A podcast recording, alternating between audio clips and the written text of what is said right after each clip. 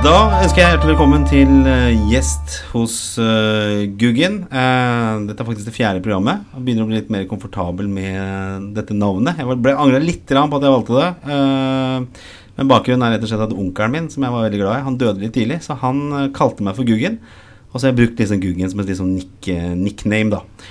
Uh, og meningen med podkasten er en slags terapi for meg, fordi at jeg lurer veldig mye på ting. Jeg er veldig nysgjerrig, og jeg, jeg har en tendens til å spørre litt for mye. Eh, så hvis du spør kollegaer, venner, bekjente, så kan, eh, kan de ofte ha litt sånn ubehagelige opplevelser. At jeg rett og slett sitter og pumper de for informasjon. Uh, og derfor så er jo denne podkasten en, en, god uh, terapi og en god ventil for meg da, for å, for å få ut informasjon. Og så kan jeg ha anledning til å invitere hvem som helst. For straks du har en mikrofon mellom oss, så, så, kan jeg invitere hvem som helst. Og gjest i dag, det er Siv Sleveggen. Du er utdannet økonomijournalist. du har jobbet i Bergens Tidende, så du er bergenser. Eh, og du har jobbet i NRK også i tillegg. Og eh, grunnen til at jeg fanget deg opp, det er at du er aktuell nå med et, tema som er utrolig aktuelt. Jeg så på LinkedIn så hadde du en oppdatering at nå er jeg endelig klar med aldri mer inkasso. Uh, velkommen, først og fremst, for jeg begynner å snakke meg bort her. for dette er jo et tema som ligger meg veldig, veldig nær. Jeg er veldig opptatt av det, og vi snakket jo litt før du, um, før, før du kom hit. er jo det at jeg har vært i en situasjon i sånn tidlig voksenliv hvor jeg har hatt sånn lite kontroll på økonomi, og regningene hølja inn, og det var eh, ikke, ikke likviditet, ikke kredittverdig man fikk disse gjenpartsbrevene. Eh, og så fikk man rydda opp i det, og så den gode følelsen eh, etter det. Og siden har jeg alltid vært veldig opptatt av dette med, med økonomi. Og i, samfunnet i dag så er det jo et veldig, veldig stort problem med en altså økende forbruksgjeld. Eh, eh, forbrukslånene florerer. Og det er det vi skal snakke om i dag. Råd, tips, og vi skal uh, uffe oss og arges litt over hvordan ting er. Uh, men igjen, velkommen. Veldig hyggelig at du kunne komme. Jo takk, det var veldig hyggelig å bli invitert. Og jeg ser jo at dette er et tema som engasjerer mange. Det så jeg jo på det var bare en liten eh, snutt fra Snap som jeg la ut på LinkedIn eh, og Facebook. Og den videoen på LinkedIn har da gått over 2000 visninger på noen få dager. Så det viser seg at dette her er et tema som engasjerer mange, og det forstår jeg. Eh, du sier at du har gått på en liten smell før, og alle kan gå på en smell, og det skal ikke være noe skam i det. Har du, har du hatt inkasso noen gang? Uh, ja, fordi at det er disse her eh, regningene som forsvinner. Det som kanskje er annerledes fra når du var eh, helt ung voksen, er jo at det er mye bedre tilgang på kreditt, mye større tilgang på kreditt, og regningene kommer så veldig mange steder. jeg hadde bl.a. en regning fra bompengeselskapet som kom på e-post, og den e-posten forsvant jo i alt av nyhetsbrev og spam og reklame. Så den så jeg aldri. Så reiste vi på ferie, så kom det en regning i posten. Den forsvant innimellom all denne posten etter ferien. Uh, og så plutselig skulle jeg registrere en ny bil uh, på bomringen, og de bare Nei, nei, nei, du har hatt inkassokrav. Jeg bare Hæ? Shit. Det har jeg ikke. Jeg har aldri hatt det. Uh, og da hadde det to regninger, de hadde ikke jeg fått med meg. Og når inkassoselskapet da hadde sendt ut det ene brevet, så hadde ikke de så veldig interesse av å minne meg på at her påløpte renter og gebyr. De ville jo gjerne heller sanke inn det. Ja. Så jeg måtte sjøl prøve å grave frem dette inkassokravet og, og, få betalt det, så jeg kunne registrere en ny, ny bompengering. Ja. Og det er det jeg mener at det er det er veldig lett å gå på en smell, fordi det er så mange ting vi kjøper. Det er så mange små beløp, og det er så enkelt. Kjøp nå, betal seinere. Du kan leve som Snoop Dogg med rosa pudler og rosa laken, og ikke bekymre deg, for du kan bare betale seinere. Og det kommer lån, lån, på SMS, det kommer lån på Facebook, det kommer overalt. Og det er rett og slett vanskelig å sikre seg mot denne voldsomme tilgangen på kreditt. Så jeg forstår godt det, at det er lett å gå på en smell.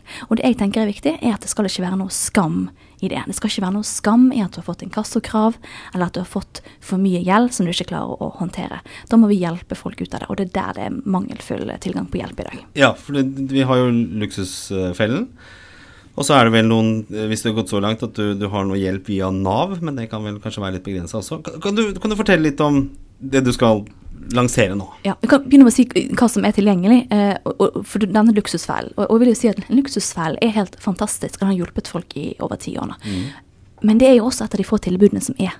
Eh, og til og med folk som kommer til, til Blå Kors og trenger hjelp til spille eh, altså De har problemer med, med, spill på nett, og, og gjeld er opparbeidet seg der. ok. Gambling kan de få hjelp til gjennom Blå Kors. Men hva sier de om, om den gjelden og inkassokravene? Får melde deg på Luksusfellen. Ja. Og at de da har over 1000 nordmenn som søker hvert år, og som vil på TV og vise hvor galt det har gått, det sier noe om hvor stort problemet er. Ja. Eh, Nav, gjeldsrådgivere, de gjør så godt de kan. Jeg har snakket med de før jul.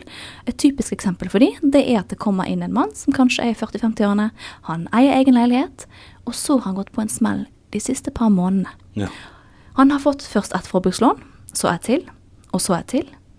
Eh, De vet ikke om hverandre, de sjekker ikke hverandre, for man har ikke fått eh, tilgang på et sånn type gjeldsregister ennå.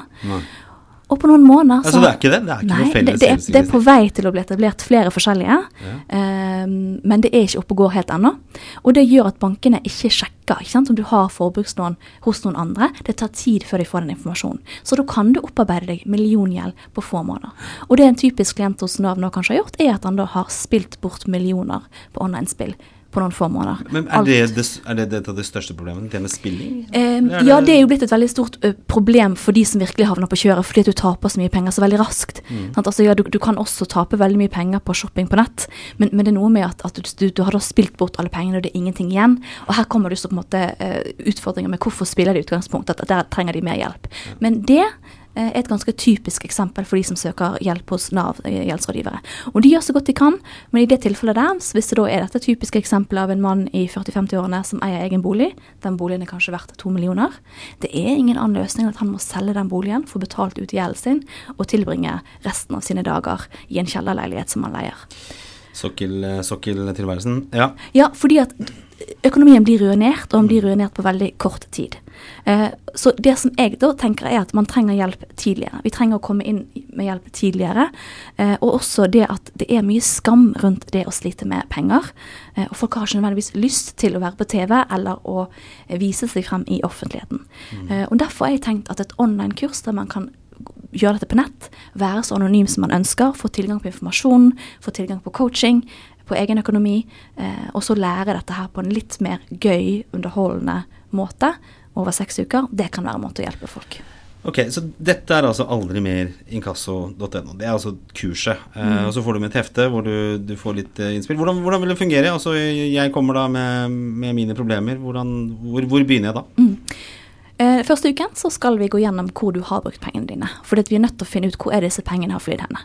Eh, det er så brutalt enkelt, men sant, at hvis det er sånn at du har havnet i økonomiske problemer, så har du brukt for mye penger. Du har brukt mer penger enn du har, og da må vi justere på det. Og da må man først gå gjennom kontoutskriftene og se hvor har de pengene gått hen. Hvor mye penger bruker du på mat, hva bruker du på bil, på klær. Og det er veldig mange da ser jeg at de bruker utrolig mye penger på mat og på kafé og på kaffe. Eh, veldig mye mer enn det de kanskje trenger. Og så er det mange som har en veldig stort annet post. Ja. F.eks. streaming. Hvor mange forskjellige versjoner av Netflix og Viaplay, og hvor mange av de har det. Eh, og hvor mye nettshopping er det. Ja. For også den der sofashoppingen er, er nok noe som, eh, som blir veldig mye. Fordi det er kanskje småbeløp, og det er kanskje salg, men totalt sett så blir det veldig mye. Så, så første delen er det Det er den tavla man husker fra Luksusfellen, ikke sant? Ja, Men her skal du gjøre det sjøl. Uh, fordi at det er noe av det jeg mener er poenget, at folk må lære å gjøre dette sjøl. Uh, du kan gå gjennom denne her runden én gang, få hjelp, sette opp budsjett. Eh, gå gjennom hvor du har brukt pengene dine, men poenget er at det må bli en varig endring. Eh, og da må man få et eget bevisst forhold til hvor er det pengene mine flyr, og hvordan vil jeg heller bruke de. Så det skal folk eh, være med på å gjøre sjøl. Rett og slett gå gjennom hvor er pengene blitt av. Men hva- hva- si, folk må jo være litt motiverte for å, for å Det er jo lett å på en måte allerede her også øh, jukse litt. Rann, og si at den posten tar jeg ikke med, eller den, det du sier er jo litt sånn skambelagt, og du plutselig oppdager at du bruker 10 000 på annenposten øh, som du ikke vet hvor går hen. Hvordan kan man sikre, at, sikre seg at de faktisk oppgir det, det som er riktig, da? Jo, altså jeg kommer ikke til å være noen sånn eh, rektor eller revisor som sier hvordan folk skal bruke pengene sine, for det fungerer ikke. Folk må velge sjøl. Eh, men det er sånn at du må laste opp eh, en type lekse eller et arbeid du har gjort for å gå videre til neste del av, eh, av kurset. Eh, men det er jo folks eget ansvar å faktisk være villig til å gjøre dette her fullt ut. Okay. Eh, for jeg sier at det er aldri mer inkasso, og det er et løfte som hvis du gir, følger dette kurset, så vil du kunne oppnå det. Men det er også en, en beslutning man må ta sjøl. Nå er jeg ferdig med de inkassokravene. Jeg vil ikke ha flere sånne brev i posten. Nei. Og da må du være villig til å gjøre jobben. Det fins ingen quick fix. Eh, se på tre videoer, og så er du ferdig. Du må gjøre jobben sjøl. Så er det du har kartlagt og bare Shit, det er helt uh, over styr. Hva er neste punkt da? Da må vi lage en plan. Eh, nå, jeg har studert økonomi i seks år, og jeg liker fortsatt ikke ordet budsjett. og Jeg er ikke alene om det, mm. så det ordet bruker vi ikke. Men vi skal lage en plan. Dette har du brukt penger på. Hva har du lyst å bruke penger på? Eh, og da må man gå gjennom hvor er det pengene flyr i dag. Det kan være enkelte ting som er ganske låst, f.eks. boliglån, billån, en del ting du ikke får endret med en gang, som da er rett og slett faste utgifter. Men så skal vi se på hvor det går an å justere, hvor det går an å kutte. Eh, og der finnes det jo f.eks. anbefalinger fra mm, SIFO-budsjettet, som staten jo da forsker på hva trenger du for å leve greit i, i Norge. Vi skal ta utgangspunkt i det. Og så skal folk få justere litt etter hva de sjøl ønsker å prioritere pengene sine på. For vi verdsetter ting forskjellig, og det er helt greit. Og da skal man sette opp en plan. Og i den uh, uken så skal vi også gå gjennom gjeld. Hva har du egentlig av gjeld? Hva har du egentlig av kredittkort? Og her finnes det jo løsning f.eks. på inkasso.no, at du kan sende forespørsel for å få vite eh, hva du har i gjeld. Ok, så, så, det er altså en tjeneste på nettet hvor du kan ja. gå inn og få hva du har i? Det er gjennom Virke inkasso. Ja. Uh, og de skal uh, sammen så skal vi spille inn en podkastepisode om akkurat dette her, 21. mars. Okay. På, uh, og det blir live på Virke inkasso sin fagdag. Da skal vi gå gjennom slik kontakter du inkassoselskapene, slik kontakter du kreditor, sånn får du hjelp. For det, for det, er ofte der det er vel altså Når det liksom har vokst seg så mye, så blir det så tungt å begynne å ringe rundt. Nemlig. Og få oversikt. Nemlig. Og, det, og da får du jo eh, en, i hvert fall en oversikt. ikke sant? At alle som er medlem av eh, Virke Inkasso, det er nesten alle inkassoselskapene, de vil da eh, svare deg på hvilke krav de har utestående. Mm. Eh, og så skal vi da sammen med Virke Inkasso få lagt satt opp en plan. Hva er det du må gjøre? Når du først ser at det er for mye og det er for mange krav, hvordan kan du kontakte dem, hvilke muligheter har du? Eh, så det vil bli en del av kurset, og det blir også en del av gratisinnholdet som er i podkasten. Eh, som da blir eh, en, episode med, med inkassoselskapene for hvordan man finner en løsning. Fordi klart En ting er jo hvis du har hele Luksusfelle og TV3 i ryggen, og de går og gjør de forhandlingene for deg, men det er jo ikke en mulighet for flertallet. Så man er nødt til å finne en sånn gjør det sjøl-metode her også. Men, men dette vil jo kreve mye av folk. Altså bare det å begynne altså, Jeg tenker at det, det, å alt, det, å se hvor mye penger du egentlig bruker på ting, er jo en eye-åpner. Mitt lille speeksempel var at jeg, jeg, fant ut at jeg er jo veldig fotballinteressert, så jeg, jeg to, hadde to sumoabonnement. til 399 hver. Eh, merkelig Altså en som gikk via iTunes, og en som gikk via uh, direkte TV 2. Um, så, så, det er jo veldig mye sånne ting, ting, du ikke tenker over, kanskje, som du bruker mye, mye penger på. Så jeg tenker at dette vil jo være sunt kanskje for de som også heller ikke er sånn skikkelig ute og, ut å kjøre. Uh, bare for å få litt oversikt over hva du faktisk, uh, faktisk har av, um, av, utgifter i måneden. Uh, ok, så, så, så, da er det på en måte den delen med at du, du identifiserer gjeld. hva er da neste steg her? Ok, Da har vi laget en plan, mm. og så er da trikset at planer virker bare når de blir fulgt. Mm. Og for de fleste så er det jo der det skjærer seg. at uh, tenker jeg, Hvor er det det svikter i næringslivet også i strategi? Det er jo da i implementeringen. For du lager en plan, og så ligger den i skuffen, og så er det ingen som ser på den før neste års seminar. Ja. Så planen må følges, og den må følges uansett. Uh, og her vil jo selvfølgelig komme motstand, fordi at du vil få lyst til å gjøre andre ting enn det som står på planen. Du vil få lyst til å kjøpe noe du ser der og da. Og det er jo nettopp derfor du har havnet i uføre i utgangspunktet. Fordi at du har handlet på impuls eh, akkurat i øyeblikket, og ikke tenkt på hvor mye blir dette her til sammen. For det er der den virkelige endringen skal foregå? Det er der den virkelige Først så er det konsekvensanalysen, og så må du ja, gjøre noe annet enn det du har gjort tidligere. Ja, og da skal vi gå gjennom akkurat dette her med hvordan klarer du å følge den planen du har laget. Hva er det som skal til? Hvordan må vi jobbe med tanker og følelser for å klare å si nei, jeg skal ikke kjøpe dette selv om jeg har lyst på det. Og går det an å faktisk gå dit hen at du har mer lyst til å ha penger stående på konto enn til å bruke de? Mm. Og selvfølgelig er det mulig, og det skal vi jobbe med i uke tre.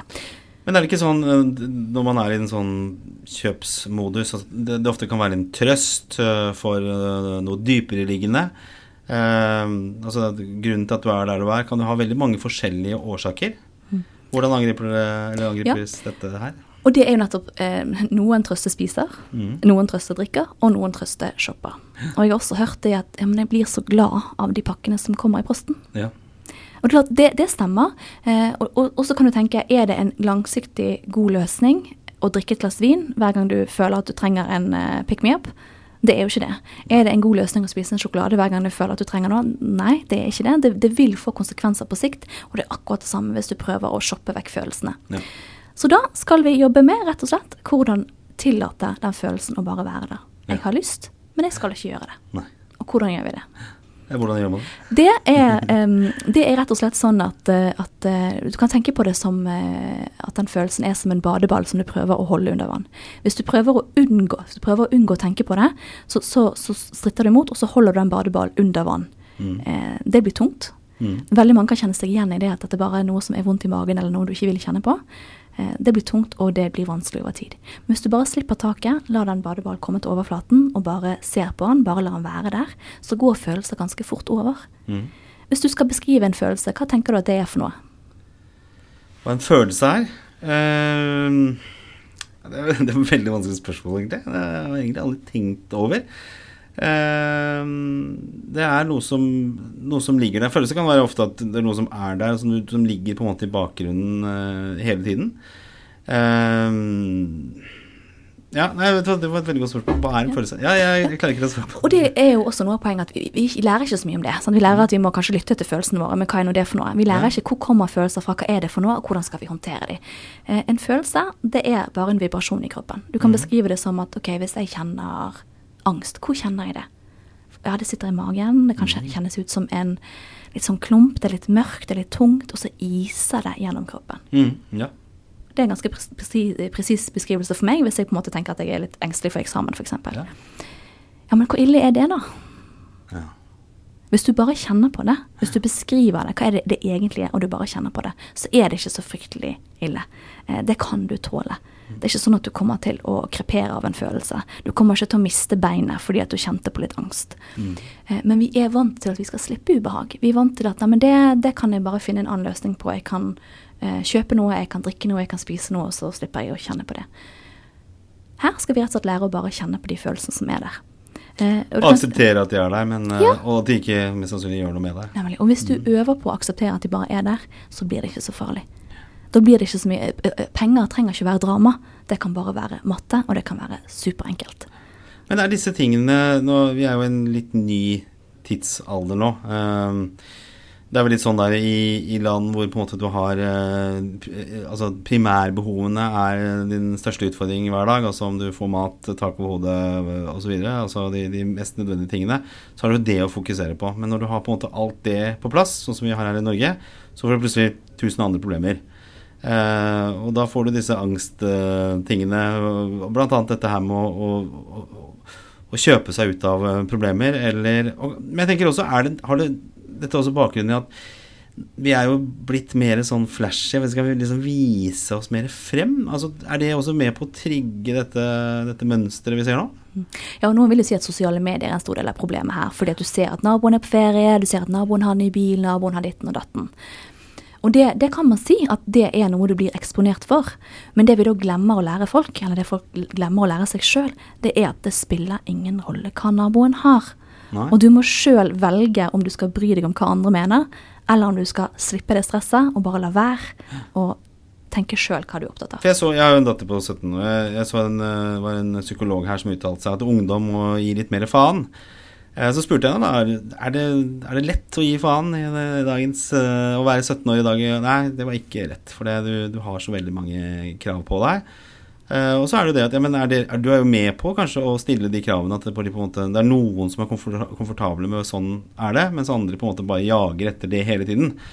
Um, så, og, det, det er også litt av bakgrunnen for hvorfor jeg inviterte her også. For dette med barn da, som begynner å bli unge voksne, det har jo Jeg tenkte liksom, Nå blir hun 18 år, eh, nå begynner litt mitt ansvarsområde å bli ferdig. Men nå er det jo kanskje nå det virkelig store ansvaret begynner. For det å sette grenser med leggetider og 'nå må du gjøre leksene dine' og sånn, det er jo for så vidt greit nok. Men når man blir 18, får lov å bestemme over seg selv, så kommer det økonomiske ansvaret i tillegg. Og så tenker jeg, Dette her med liksom hva man lærer på skolen. Du har et kurs. øh, dette burde kanskje vært et samfunnsansvar også. Øh, men det er jo lite av det i skoleverket. Hva, hva, hva, tenker du om, om det? Ja, la oss legge enda flere oppgaver til skolen som de ikke kan, eh, kan løse.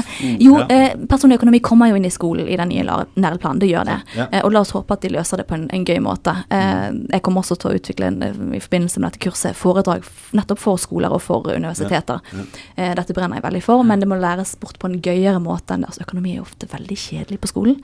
Det kan jeg virkelig si at jeg har opplevd gjennom Ganske seks mye er kjedelig på skolen, egentlig.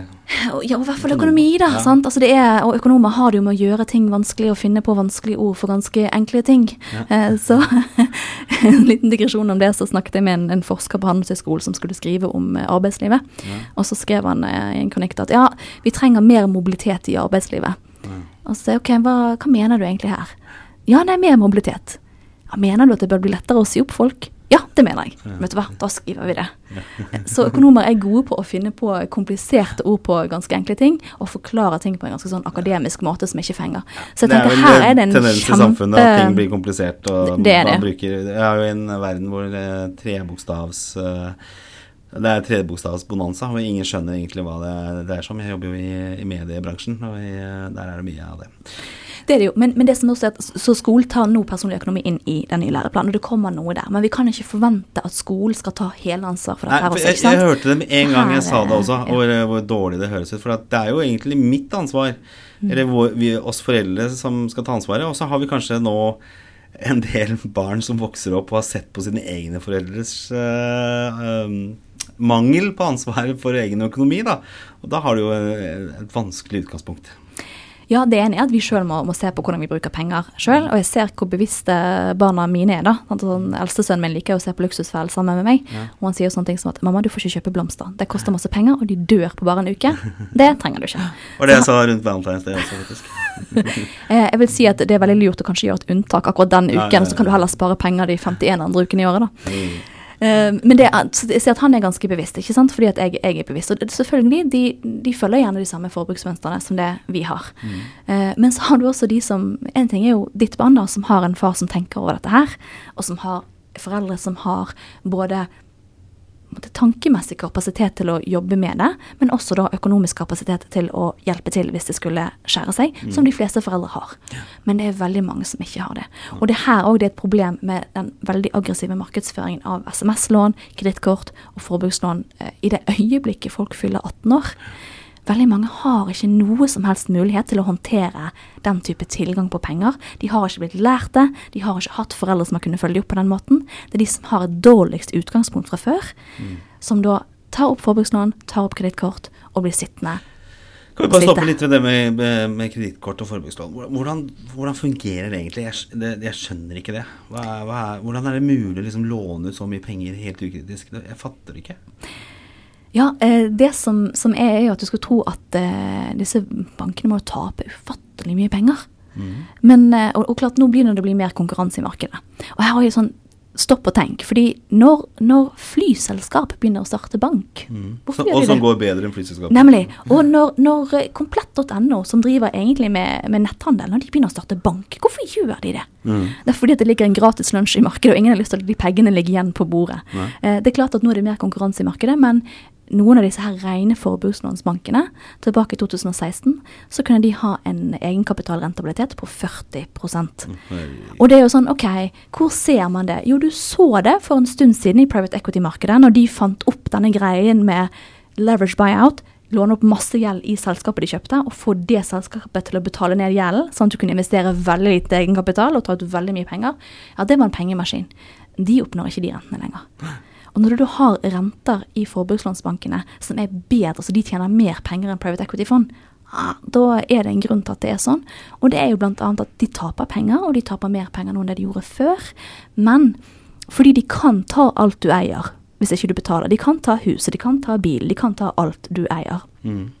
Og det er også en, en eh, tanke vi har i Norge om at folk skal gjøre opp for seg. Så til slutt så kan det være at det kommer noen tap, eh? At, at eh, det kommer til en eller annen type offentlig gjeldsordning, og det bare ikke er mer penger å for- fordele. Men før den tid så kan de ta huset, bilen, absolutt alt du eier. De kan ta uh, utlegg på lønn, så du får et lønnstrekk. Uh, de får hjelp av namsmannen, så staten krever inn disse pengene. Inkassoselskapene krever inn disse pengene. Så, så bankene har veldig mye hjelp til å få tilbake de, de pengene, og rentene er ekstremt høye. Er det ingen kontroll på det? Altså, I prinsippet kan du ta så høy rente du vil? Altså Hvis jeg ville låne penger til 70% rente, kunne jeg gjort det teoretisk da? Eh, altså, jeg har ikke sett det prøvd, men det fins renter opp i 50% som Ja. folk da eh, tar opp. Ja. Og det er klart, Vi vet jo det at, at matte ikke er det faget folk flest liker best og gjør det best i på skolen eh, gjennom barndommen. Eh, og jeg vil jo si at matte er egentlig enkelt, det er logisk, og alle kan lære matte. Og heldigvis er det kommet ganske mange hjelpemidler der etter hvert også. Men for, for ganske mange så er det ikke sånn at du sitter med et klart bilde over hvordan dette her kommer til å koste. Nei. At det kommer til å koste mer i renter og gebyrer enn det den kaffetrakteren eller sofaen eller telefonen egentlig koster. Det er ikke noe folk har å tenke på. For hvis de hadde tenkt det, så hadde de jo ikke gjort det. Vi, vi tok jo på søndagsbordet på Altså middagsbordet på, på søndag. Jeg prøver å ta denne litt sånn tiraden, eh, dryppe det inn litt sånn her og der. Og da var det vel at jeg tok gaffelen opp og sa det at hvis du kjøper denne til én krone cash, så koster den én krone. Men hvis du bruker kredittkort, eh, så kan den plutselig koste 10 kroner, eller 100 kroner, eller 1000 kroner. Eh, Og, det er for mye for den gaffelen her. Ja, ja, det er, det er greit nok. Og så får du liksom Ja, men du har jo kredittkort. Ja, men, men det er liksom jobbbasert, da. Så, så de, jeg merker at de liksom hele tiden Altså nå snakker jeg om barna. Hele tiden er litt sånn derre Det er jo bare ta et kredittkort. Det er ikke noe problem. Det går fint. Du kan betale tilbake. Datteren min da, som blir 18, hun bare Jeg gleder meg til å få kredittkort uh, når hun er 18 år. Bare Nei, nei, nei, da er du arveløs. Da får du ikke, det får du ikke. Eh, men hvis du, hvis du Litt sånn litt sånn moralsk pekefin, pekefinger, da. For jeg tenker at en ting er jo de som har det store problemet i dag. Men jeg, og det er kanskje fordi jeg begynner å bli gammel, det er jo det at hva med ungdommen? Eh, er det noe håp for de eh, med så lett tilgang til forbrukslån? Eh, hvordan skal man begrense dette? Hva skal man si? Hvordan skal man oppdra barna sine? Altså Det ene er jo at staten må på banen med politikere og, og sette mer grenser for lovgivningen, fordi det er allerede regulert. Det er allerede regulert ordninger for inkassoselskapene. inkassoselskapene. Den loven skal revideres, det skal strammes inn, og de må ta mer samfunnsansvar, og det er veldig bra. Eh, sant, og samme på, mm, på forbrukslån. Hvor lett tilgjengelig skal det være? Hvor lett skal det være å markedsføre det?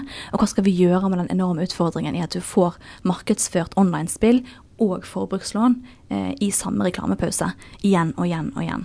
Eh, det er noe som, som politikerne må ta tak i. Men mens vi venter på de, så må jo da foreldre og alle andre også gjøre det de kan.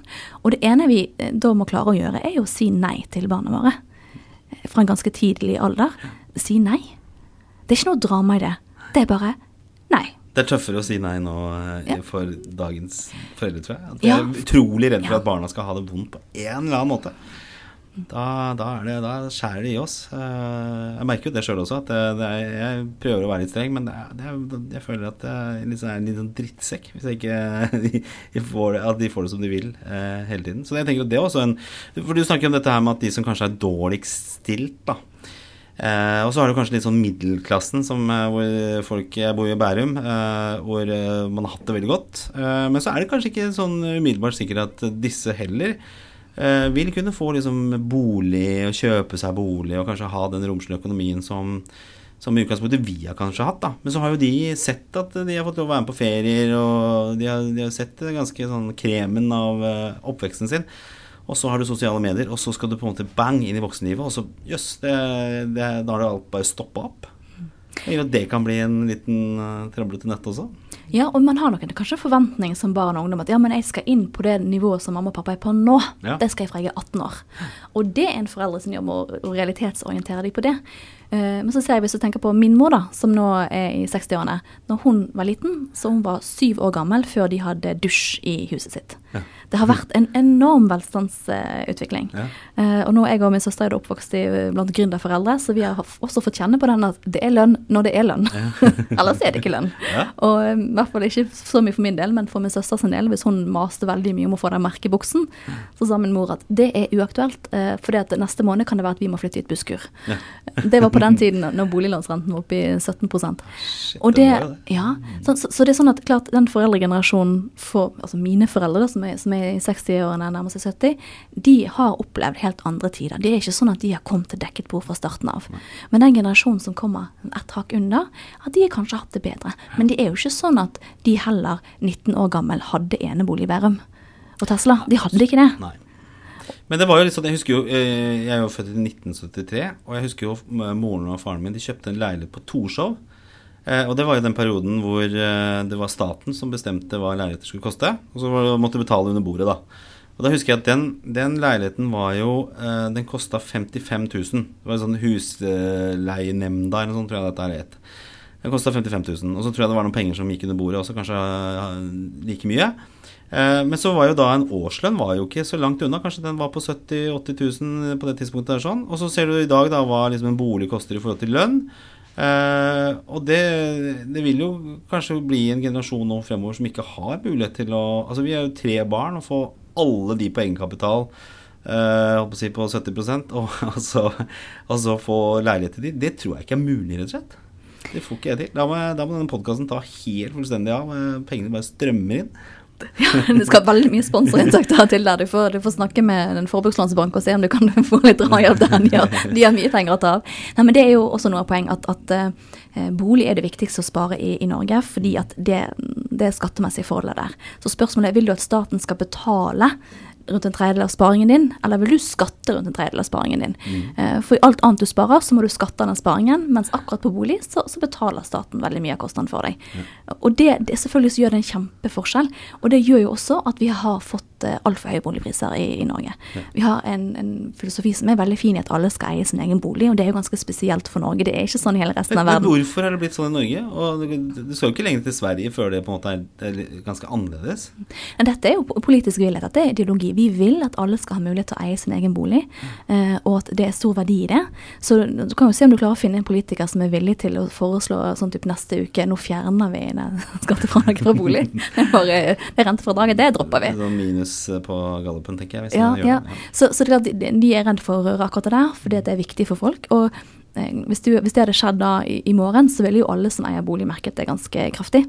Eh, men, men, en gradvis utfasing eller, eller reduksjon av det skatte, den skattefordelen av bolig, det er nødvendig. Eh, fordi det er ikke bærekraftig sånn det er nå. Og det som skjer, er jo at man da drar stigen opp med seg. At det blir stadig vanskeligere å komme inn på boligmarkedet. Fordi at prisen stiger helt eh, latterlig ukontrollert. Og nå er det vel litt sånn at det er ganske mange som sitter allerede nå litt på grensa med den lave renta vi i utgangspunktet har. Kanskje noen har til og med under under to i, i, boliglånsrente. Eh, men ikke tåler kanskje tre eller fire. Da ryker hele opplegget. Eh, og da tenker jeg liksom er, er, liksom bankene, Norges Bank, styringsrente At man er på en måte litt fanget av at man har en sånn situasjon. Jeg tenker Hvis man går opp 4-5 eh, eller til 4-5 så, så, så er det vel et ganske stort, stort andel av boligeiere i dag som har kjøpt bolig nå de siste kanskje ti årene, som virkelig er i trøbbel? Mm. Ja, altså En normal rente over tid ligger kanskje rundt på sånn 5 Det er det man typisk eh, regner med ja. eh, at skal være over tid. Og der, Vi er jo ikke der nå, og, og, det er mange som sier at vi kommer ikke til å komme dit fordi det er så mange ting som, som eh, påvirker det. Så Det er internasjonal økonomi, det er eh, at man ønsker å ha den, den drivende økonomien som man er, sånn at den renten skal ikke så mye mer opp. Det, det er det mange som, som, mener. Men hvis vi kommer dit, hvis vi kommer dit at vi nærmer oss et mer normalt eh, boliglånsnivå, eller rentenivå, så er det jo veldig mange som kommer til å slite mye. Og det som da bekymrer meg meg, er at Én uh, ting er det boliglånet, det er folk ganske gode på å betale. Men hva med alt, all den andre gjelden? Hva med kredittkortet? Mm. Hva med forbrukslånet? Hva med de pengene du lånte for å pusse opp badet igjen? Eh, og hvor mye påvirker det, og hvordan påvirker det betalingsevnen? Fordi vi er ennå ikke der at folk ikke klarer å betale boliglånene sine i Norge, men det er en økning på at ikke de klarer å betale kredittkort, inkasso og forbrukslån. Den økningen er allerede på vei. For du har det presset allerede. Du har ja. Eh, disse unødvendige regningene som kommer mm. inn, som, som, kanskje heller kunne ha gått til boliglånsrenteøkning når den tiden kommer.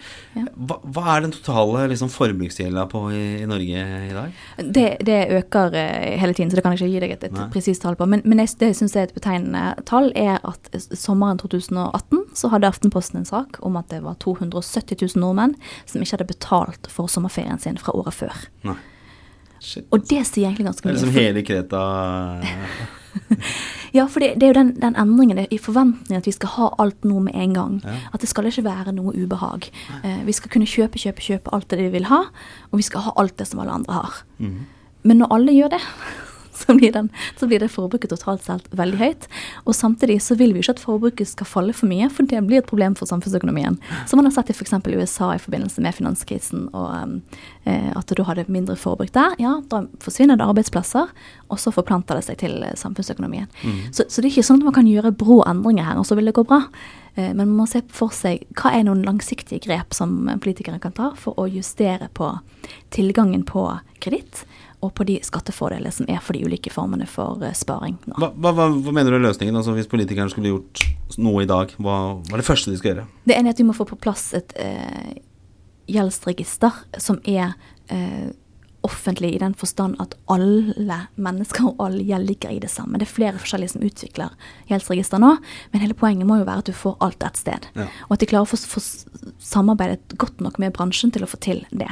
Men jeg trodde det var litt sånne ting, for det, jeg husker ikke hva jeg, det var noe Jo, strøm, jeg bytta strømleverandør, og da kommer det jo sånt gjenpartsbrev i posten hvor har kredittsjekka meg, da. Men, men, der står ikke alt? Når de, når de sjekker meg, så, så, så, går ikke det fram, eller hva, hvordan er det? Det er noe forsinkelse på det, eh, ja. og det er jo der folk kan klare å ta opp ganske mye hjelp på kort tid, eller ganske mange kredittkort på, ja, så på kort tid. Så hvis du skal ha hele kortstokken av kredittkort, så må du gjøre det ganske kjapt?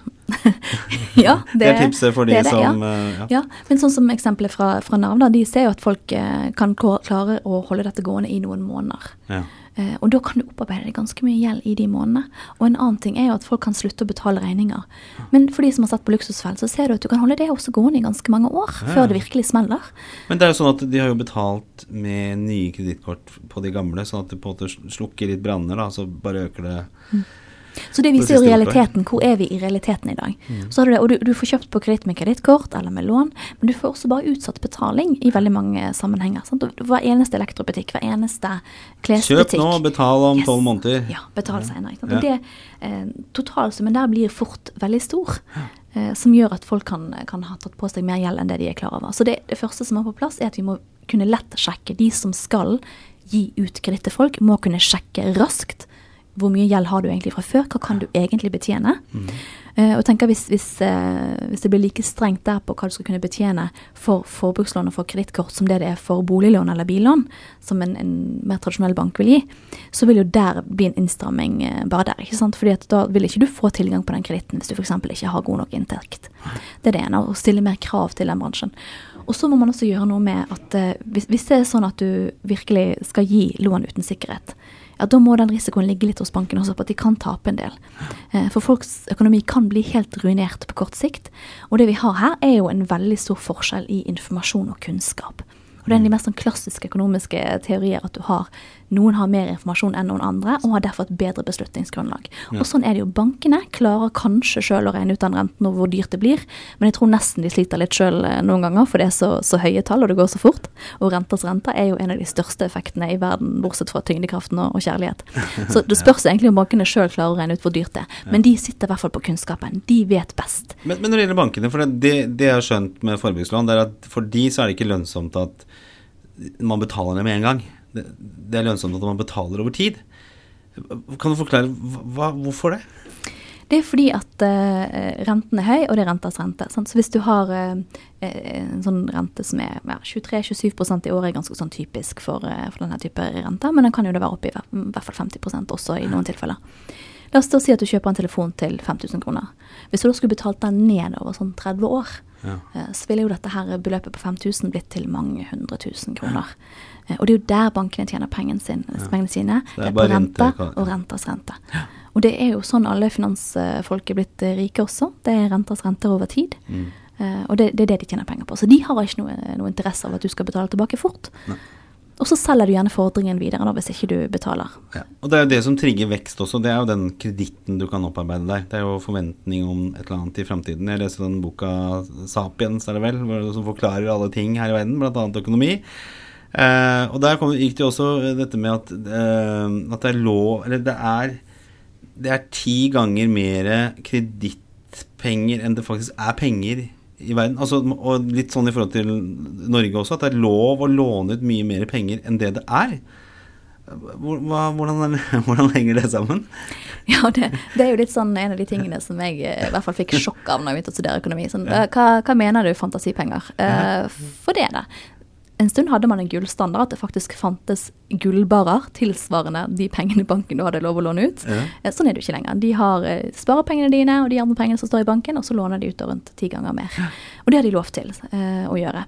Og klart, Det gjør at du får mye mer vekst i økonomien, og det er det som har skjedd hvis man sammenligner f.eks. hva foreldrene dine hadde tilgang på på 70-tallet, og hva neste generasjon som døtrene dine og barna dine har tilgang på nå, så er det at det er en veldig mye større tilgang på kreditt, for man har gjort de reglene mye mer løssnupne. Ja. Sluppet opp på, på kreditten. Og før i tiden, så var det jo, før man hadde kreditten, så var jo verdien bare det du hadde i landsbyen, f.eks. Da var det slakteren som hadde grisen, som bytta med tømmerhoggeren som hadde så, så det ble ikke skapt noe forventning om noe mer enn det som akkurat var av verdi der og da.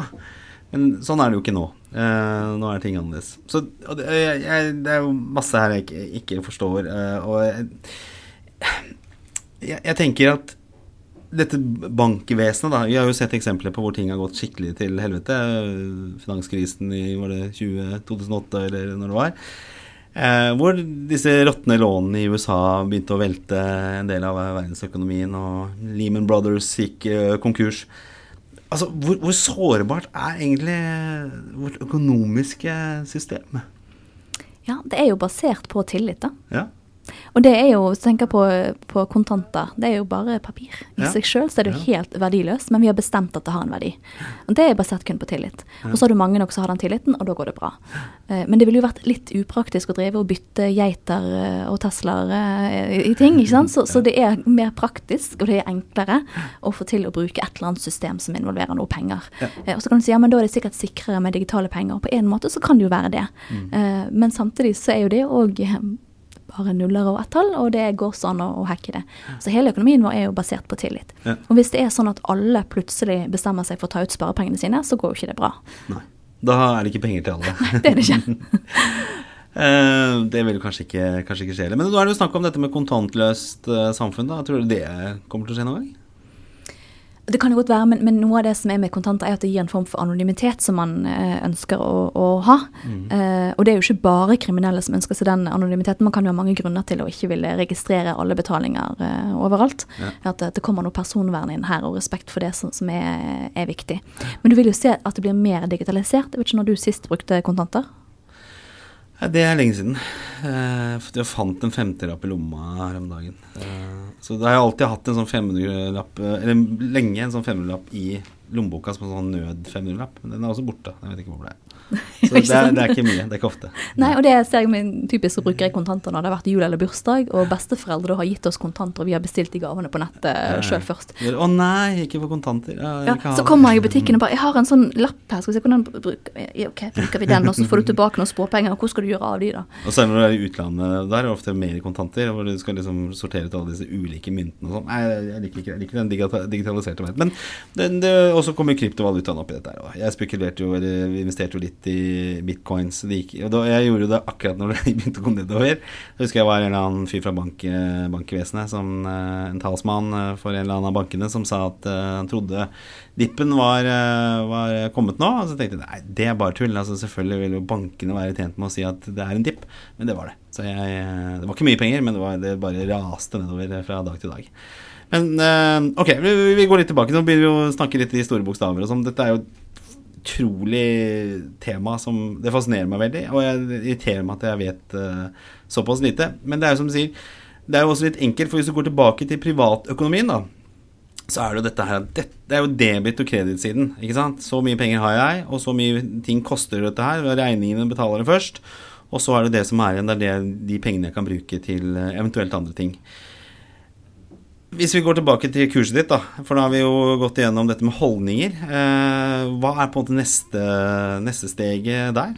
Ja, Det vi har snakket om så langt, er at det første skritt er å få oversikt hvor pengene flyr. Ja. Skritt nummer to er at vi må lage en plan eh, for hvordan du vil bruke pengene. Og så skal vi lære oss å følge planen. Eh, og så, i uke fire, så skal vi ta en ny beslutning, og det er aldri mer impulskjøp. Nei. For eh, du har kanskje noen økonomiske drømmer, at eh, disse barna dine skal kunne kjøpe en leilighet etter hvert og komme inn på boligmarkedet, og det er mange som, som drømmer om bolig eller reise eller forskjellige ting. Og eh, da er det sånn at da må du velge å ikke kjøpe fullt så mye nå for å kunne kjøpe det seinere. Men det veldig mange vil, det er jo at de vil ha alle de småtingene nå, og så vil de også ha den store drømmen seinere. Og da er det veldig lett å finansiere det med kredittkjøp og sånn, og det, det går ikke så bra. Så da må vi rett og slett bestemme oss for nei, vet du hva, det skal jeg ikke gjøre med, jeg skal ikke impulskjøpe. Eksempel så kan du ha en regel på at alt du legger i handlekassen i nett, eh, på netthandel, alt du legger i handlevognen din, må ligge der i 24 timer før du kan, kan kjøpe det. Okay. Sånn at du kan tenke gjennom det. ikke sant? At du eh, virkelig tenker gjennom at ikke det blir den impulsbaserte. Ja. Og det, det gjelder jo selvfølgelig for netthandel eller for ting du finner i eh, butikker, klesbutikker og sånn.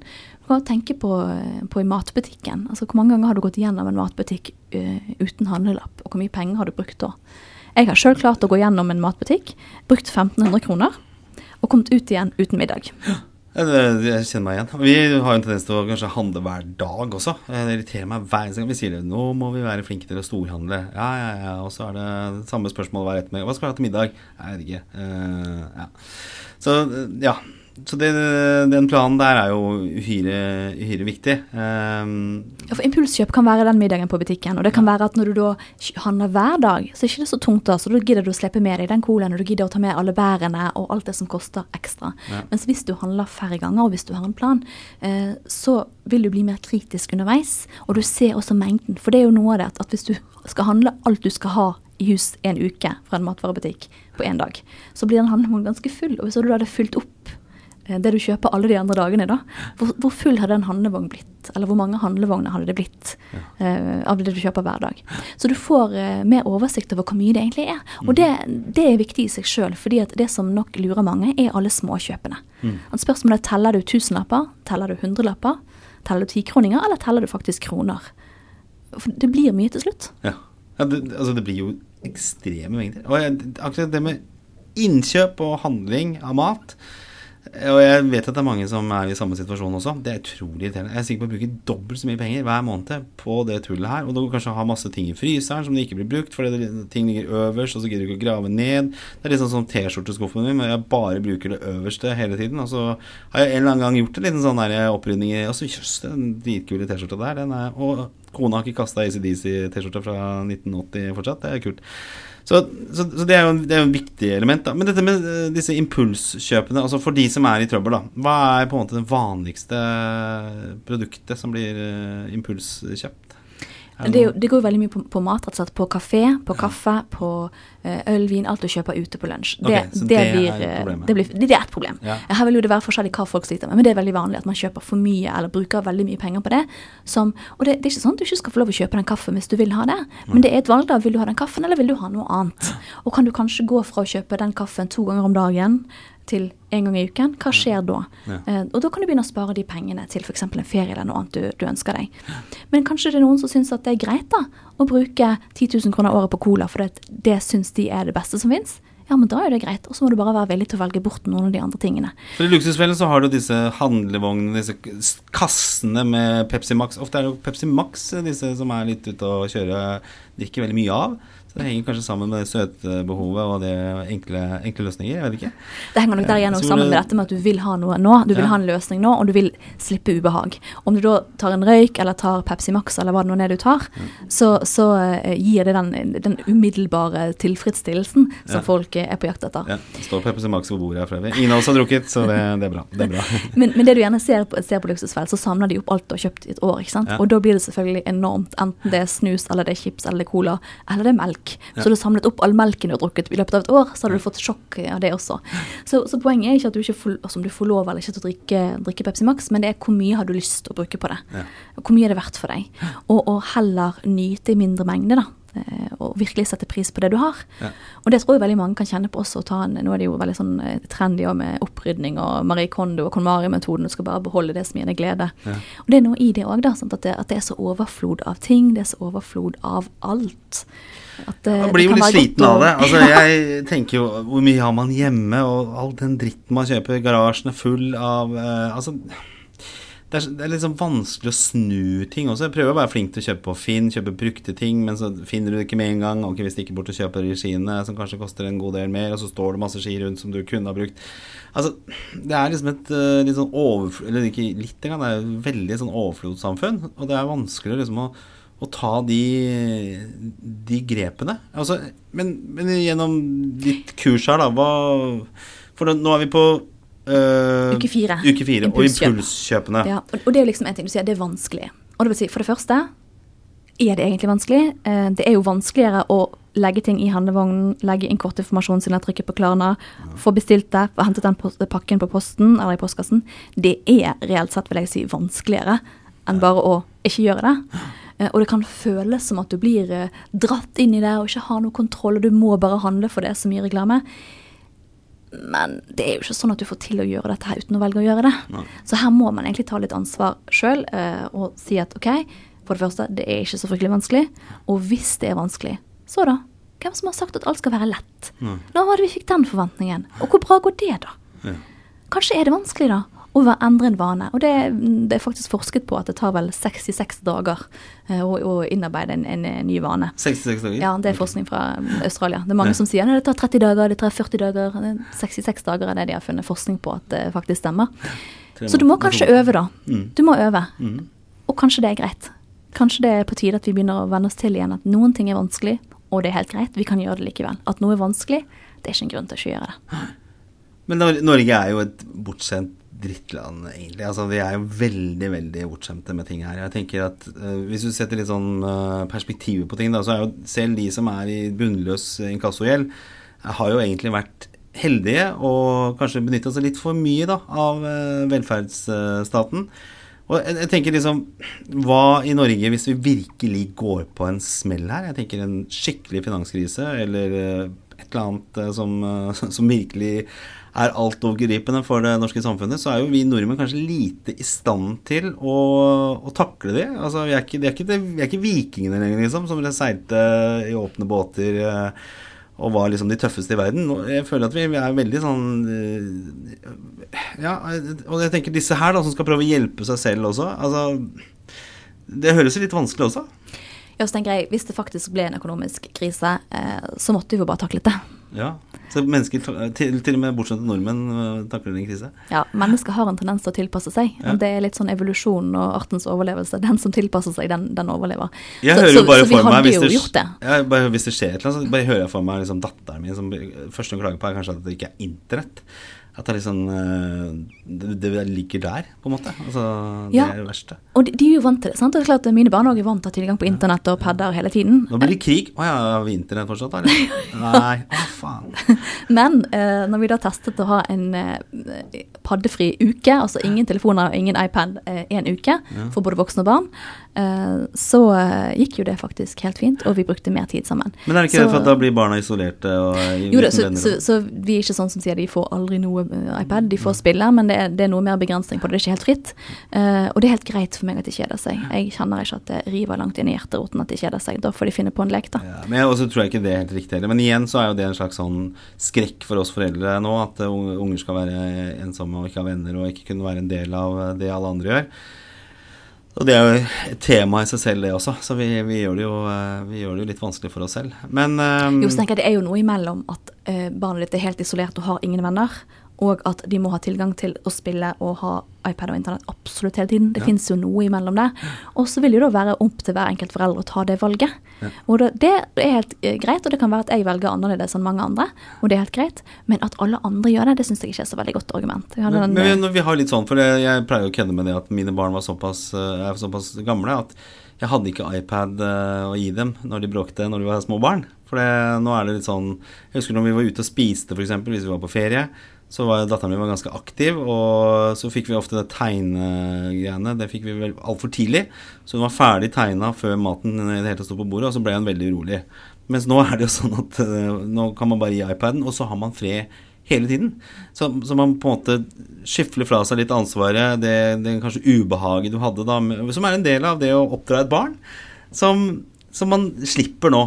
Så man får liksom mer en sånn doven eh, verden, da. ikke sant? Er Dovent Norge. Man skal ikke vente på ting, man skal ta disse forbrukslånene. Så jeg tenker at Det er en ganske ganske sånn altomgripende endring som hele dette samfunnet må igjennom. da. Og dette med disse forbrukslånene, aldri vente på noen ting, aldri måtte spare på noe. Du kan dra på til eh, Maldivene, og du er kanskje 20 år, på hva heter disse kortene? Bank Norwegians eh, regning. Um, så, det, så det er jo en liksom veldig sånn holdningsendring som må til, da.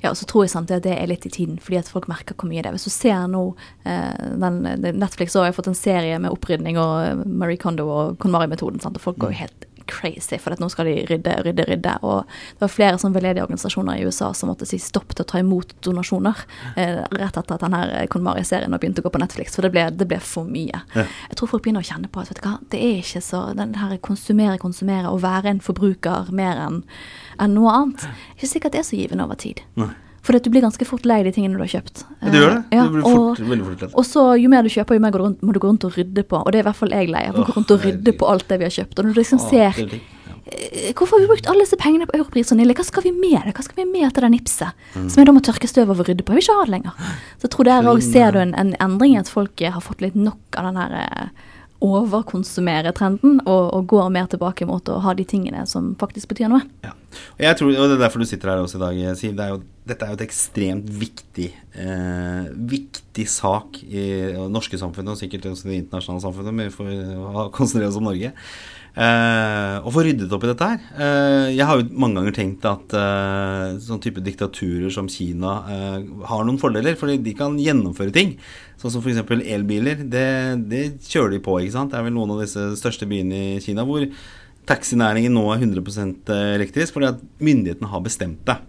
Og det gjelder vel kanskje dette her med, med forbrukslån nå. At liksom myndighetene må gå inn og si at sorry, det, det funker ikke lenger. Du får ikke lov å ta noe forbrukslån. Det er ikke lov lenger. Eller eh, du, det må i hvert fall være veldig strengt før du, før du tar det. Ja, klart, det må noe med reguleringen her. Og man kan ja. si, eh, du kan si noe på, på um, dette med å sjekke om de har gjeld fra før, at du skal sjekke med på hva er kapasiteten egentlig til å betjene denne gjelden. Og så vil jeg si at du kan ha, eh, bør kanskje se på et rentetak, fordi at for det er dette som er med forskjell i informasjon, at banken vet så mye mer hvor dyrt dette egentlig er. Forbrukerne vet nok egentlig ikke det. For jeg tror virkelig ikke de hadde valgt å ta opp lån som er såpass dyre, hvis de helt hadde forstått hvor dyrt det ble. Ja. Uh, og at der må man gjøre noe, kanskje med et rentetak, for å si at det er grenser for hvor mye penger du skal få lov å tjene på at andre ikke forstår bedre. For, for, for du og jeg kunne starta utland. Det er, det er, jo noen, det er noen regler på det, og det er ja. noe, noe konsesjon, og du må ja. jo ha nok penger ikke sant, til ja. å i det hele tatt kunne gjøre det. Uh, men, men, du ser jo at det er en, en veldig vekst i antall som, som låner penger. Det er mange penger. tilbydere, og mange de, tilbydere. de, har jo ikke pengene selv. De, jo, de, går jo via andre banker, men de, de står som utlånere. ja. Og så er det som sier du må ha noe egenkapital og bla, bla, bla. Men i utgangspunktet ikke veldig vanskelig. Nei, du ser at det, at det, er veldig mange som har klart å få det til etter hvert. Ja. Uh, og det, det, sier jo noe om at det, det, har blitt veldig mye tilbud, og at det kanskje burde vært mer regulering inne, inne i bildet. Så det er at, at myndighetene kan jo gjøre mer med den type regulering, og de kan også uh, kanskje gjøre mer med angrerett. De kan kanskje gjøre noe mer med sånn advarsler, at du får på en sånn video da, uh, på dette kommer til å koste så mye, så dyrt blir det. Mm. Vise med bilder, vise med den der Pepsi Max-en, da. hvor dyrt dette egentlig blir. Ja. Akkurat sånn som man ser på snus og røykpakker. Man kan tenke seg at det kan være sånne løsninger. Altså Men, alle netthandlere må ha sånn, sånn er du helt sikker på at du vil kjøpe den her? Er du helt sikker på at du skal kjøpe den her? Ja, ja. Er du sikker? Trenger du den? Ja. Og så at man kanskje bør eh, tenke seg om er det lurt at det er så veldig mye kjøp nå, betal senere, eller skulle vi hatt noe mer sånn advarsler på det? Og så var det snakk om det vi snakket om med skole, at det må mer personlig økonomi inn der. Og eh, bransjen sier sjøl at de skal ta mer ansvar. Jeg har snakket med Virke Inkasso i, i går, og de har veldig planer om å ta mer samfunnsansvar og ha det på, på planen sin for fagdagen sin i år. At det er viktig for dem. Fordi de har en viktig rolle. Så, så her er det mange som, som, jobber samtidig. Men det er ikke sikkert at, at myndighetene trenger å regulere alt dette her. Vi har de faktisk, trenger ikke være eh, diktatur for å få det til. Nei, vi har ganske mange elbiler i Norge òg. Ja, ja, men det har vært eh, Jeg kjøpte selv, men det var jo fordi at det var så lukrativt. Sånn, ja, og, og, det er nettopp det. Det, det myndighetene kan gjøre noe med, er jo hvilke, hva subsidierer vi. Mm. Uh, og, og, nå subsidierer de bolig veldig mye. Ok, Kan vi gjøre noen justeringer på hvor mye boligsubsidiering du skal ha? Uh, kan vi gjøre noen justeringer på, på de reguleringene som er er der. Skattefradrag hvis du ikke har forbruksgjeld? ikke sant, ja. Det, det, kan du kanskje tenke deg. Eller, eller eh, andre typer løsninger. Vi har også noen veldig gode løsninger f.eks. på at de som ikke har foreldre som kan hjelpe de inn på boligmarkedet, kan få tilskudd av Husbanken. Ja. Det er også en ganske sånn spesiell eh, ordning i Norge.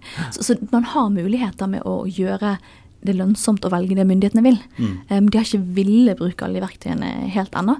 For vi har jo avtalefrihet i Norge, og den står sterkt, og den er viktig. Ja. Det kan ikke være sånn, altså Hvordan skulle det gått hvis alle hadde kjøpt noe, betalt med Klarna og ikke brydd seg om å betale seinere? Det hadde jo ikke gått bra. Så vi trenger jo den inkassobransjen som driver inn pengene. Vi trenger det at du hefter for den gjelden du har valgt å ta opp. Men det fins likevel rom til å gjøre mer enn det som det er blitt gjort så langt. Bra. Eh, og du gjør din innsats. Eh Aldri mer uh, inkasso. Um, vi har vært på det siste, det siste punktet. Hvor, hva mer kan du si om uh, siste del av kurset ditt? Ja, uh, uke fem så er det aldri mer kredittkjøp. Ja. Skal rett og slett ikke ha at Jeg har ikke kredittkort. Jeg kan ikke kjøpe med kredittkort, kan ikke betale med kreditt. Uh, du kan si at jo, jeg kunne kanskje hatt det for å få noen forsikringer og reiseforsikring og den type ting, men i den målgruppen som jeg har for dette kurset her, så er det bedre å bare ikke ha det kredittkortet. Fordi at ulempene er større enn en fordelene. Og hvis du klarer å være den som da bare får fordeler ved, ved, forsikring, eller betaler med eh, kredittkort på Zalando og alltid sender tilbake før det, du må betale den regningen, så er du kanskje Da går det bra. Men for veldig mange så er det bedre å bare ikke ha det kredittkortet. Ikke ha forbrukslånet. Ikke, ikke kjøpe noe og betale seinere. Nå skal vi snu det til spar nå, kjøp seinere. Eh, og det er jo også en eh, jobb som bare må gjøres. Og det er å se på hvordan går det egentlig med den gjelden du har på deg fra før. Hva er planen for å betale den tilbake? Og helt slutte å handle på kreditt. Og så i siste uken, eh, uke seks, så skal vi lage en plan for fremtiden. Hva drømmer du om med økonomien din? Hva har du lyst til? Hvordan vil du at det egentlig skal være? Hvordan ville det vært hvis du eide pengene dine istedenfor at de eide deg? Mm. Og så lage den planen og bestemme seg for at ok, nå er jeg villig til å gjøre noen endringer på forbruket i dag sånn at jeg kan få mer penger til det jeg virkelig har lyst til seinere. Og for veldig mange så vil det handle om å begynne å telle tikroninger og hundrelapper istedenfor tusenlapper eller titusenlapper. Mm. Spennende. Dette blir sluppet, uh, som det heter så kult, uh, om ikke så lenge. Det er noen uker unna, er ikke det? 11. mars. 11. mars, det vil si tolv dager, elleve dager. For det er vel, uh, ja, fra i dag. Og hva, hva, Kan man kjøpe dette på kreditt, eller? Eh, nei. det, det, kan du ikke. Eh, det blir sånn cirka én Ingen Det blir ca. én inkassoregning du kan regne at du må betale for, for kurset. Ja, ok. 899 kroner. Ja. Eh, så du kan velge faktisk å gå og pante flasker til du har fått nok penger, ja. men eh, du må kjøpe det eh, på forhånd. Du må betale på forhånd. Ja. Det høres ut som en god start i ditt uh, nye liv også. Men jeg syns det er kjempebra, og jeg, jeg, jeg liker dette her. Uh, som vanlig så ringer telefonen min uh, under disse her. Jeg skal slå den.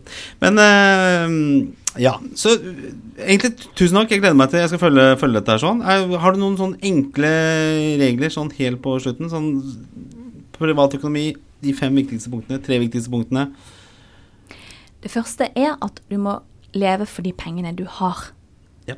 Og ikke kjøpe på kreditt, ikke ta opp forbrukslån. Bare ikke gjør det.